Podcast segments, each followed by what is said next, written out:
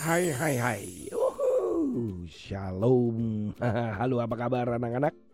Jumpa lagi dengan Kak Tony. Hari ini kita akan kembali merenungkan firman Tuhan dan tentunya menyiapkan hati dan telinga dong.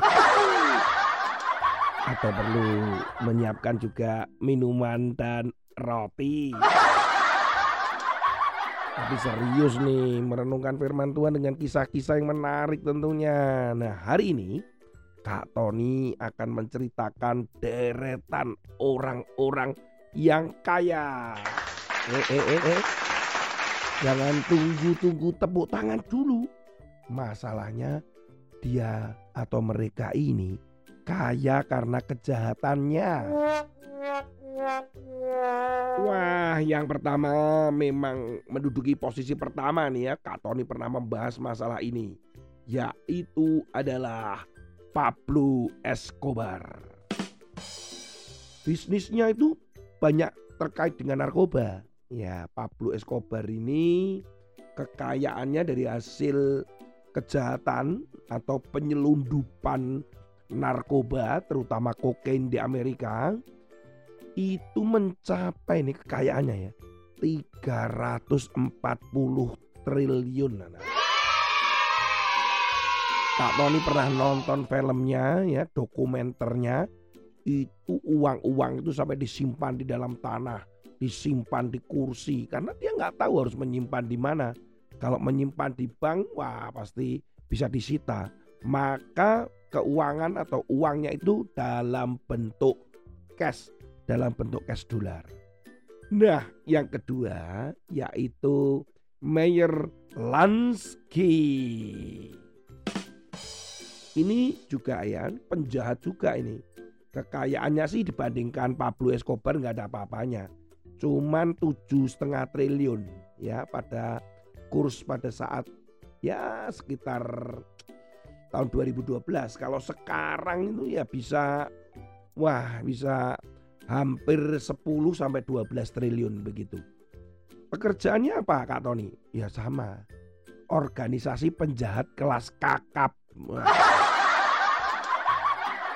Ya pokoknya penjahat gitu. Yang ketiga Al Capone. Ini adalah penjahat yang juga terkenal. Kekayaannya ini mencapai 17,6 triliun rupiah.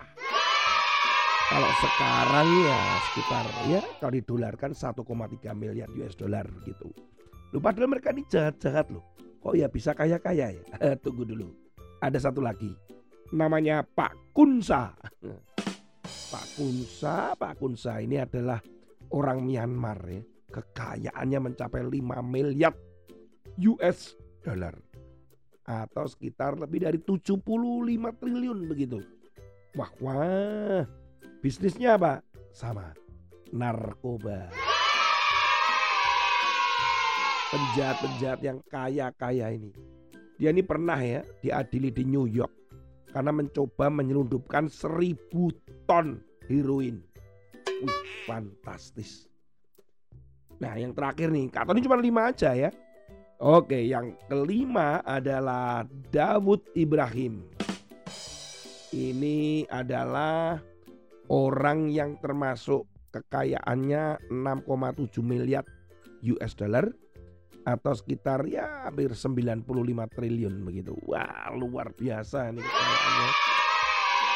Nah ternyata dia ini punya kontrak dengan pemimpin jaringan Al-Qaeda atau Osama Bin Laden. Jadi dia dianggap sebagai otak dari teroris global. Jahat lagi. Ngomong-ngomong dengan mereka ya perbuatannya jahat tapi kok bisa kaya ya. Nah kita ini nggak sadar ya anak-anak sering kali kita itu iri dengan orang-orang yang berbuat jahat. Orang yang berbuat jahat itu loh Kak Tony kok dia itu kok bisa hidupnya enak ya bisa kaya kan padahal jahat gitu ya. Firman Tuhan hari ini terambil dalam Amsal pasal yang ke-24 ayat 1 dan 2. Jangan iri kepada orang jahat, jangan ingin bergaul dengan mereka. karena hati mereka memikirkan penindasan dan bibir mereka membicarakan bencana.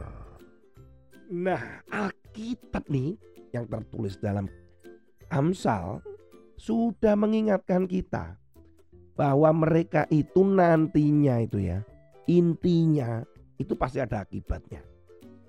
Contoh semua penjahat-penjahat yang Kak Tony sebutkan tadi kebanyakan mati karena ya ada yang dipenjara, ada yang ditembak gitu ya karena sakit memang ada. Nah, kita tidak boleh iri. Firman Tuhan katakan tidak boleh iri. Karena kita akibatnya juga tahu orang yang melakukan kejujuran, melakukan firman Tuhan, akibatnya apa? Karena menyenangkan hati Tuhan, maka imannya bertumbuh, menjadi berkat buat orang lain. Gitu. Jadi jangan merasa bahwa enak ya, dia tuh jahat tapi kok kaya. Dia tuh nyontek tapi kok uh, nilainya bagus. Kak Tony sempat ya itu waktu sekolah melihat teman-temannya Kak Tony itu kok nyontek semua sekelas nilai-nilainya bagus. Lu Tuhan nilainya Kak Tony kok ya nggak bagus-bagus amat. Tapi Kak Tony dikuatkan Tuhan. Tapi kan jujur. Tony tetap lulus begitu. Jadi anak-anak ingat ya, kita tidak boleh iri dengan mereka yang berbuat jahat. Kita tidak boleh ingin bergabung bersama dengan mereka untuk berbuat jahat.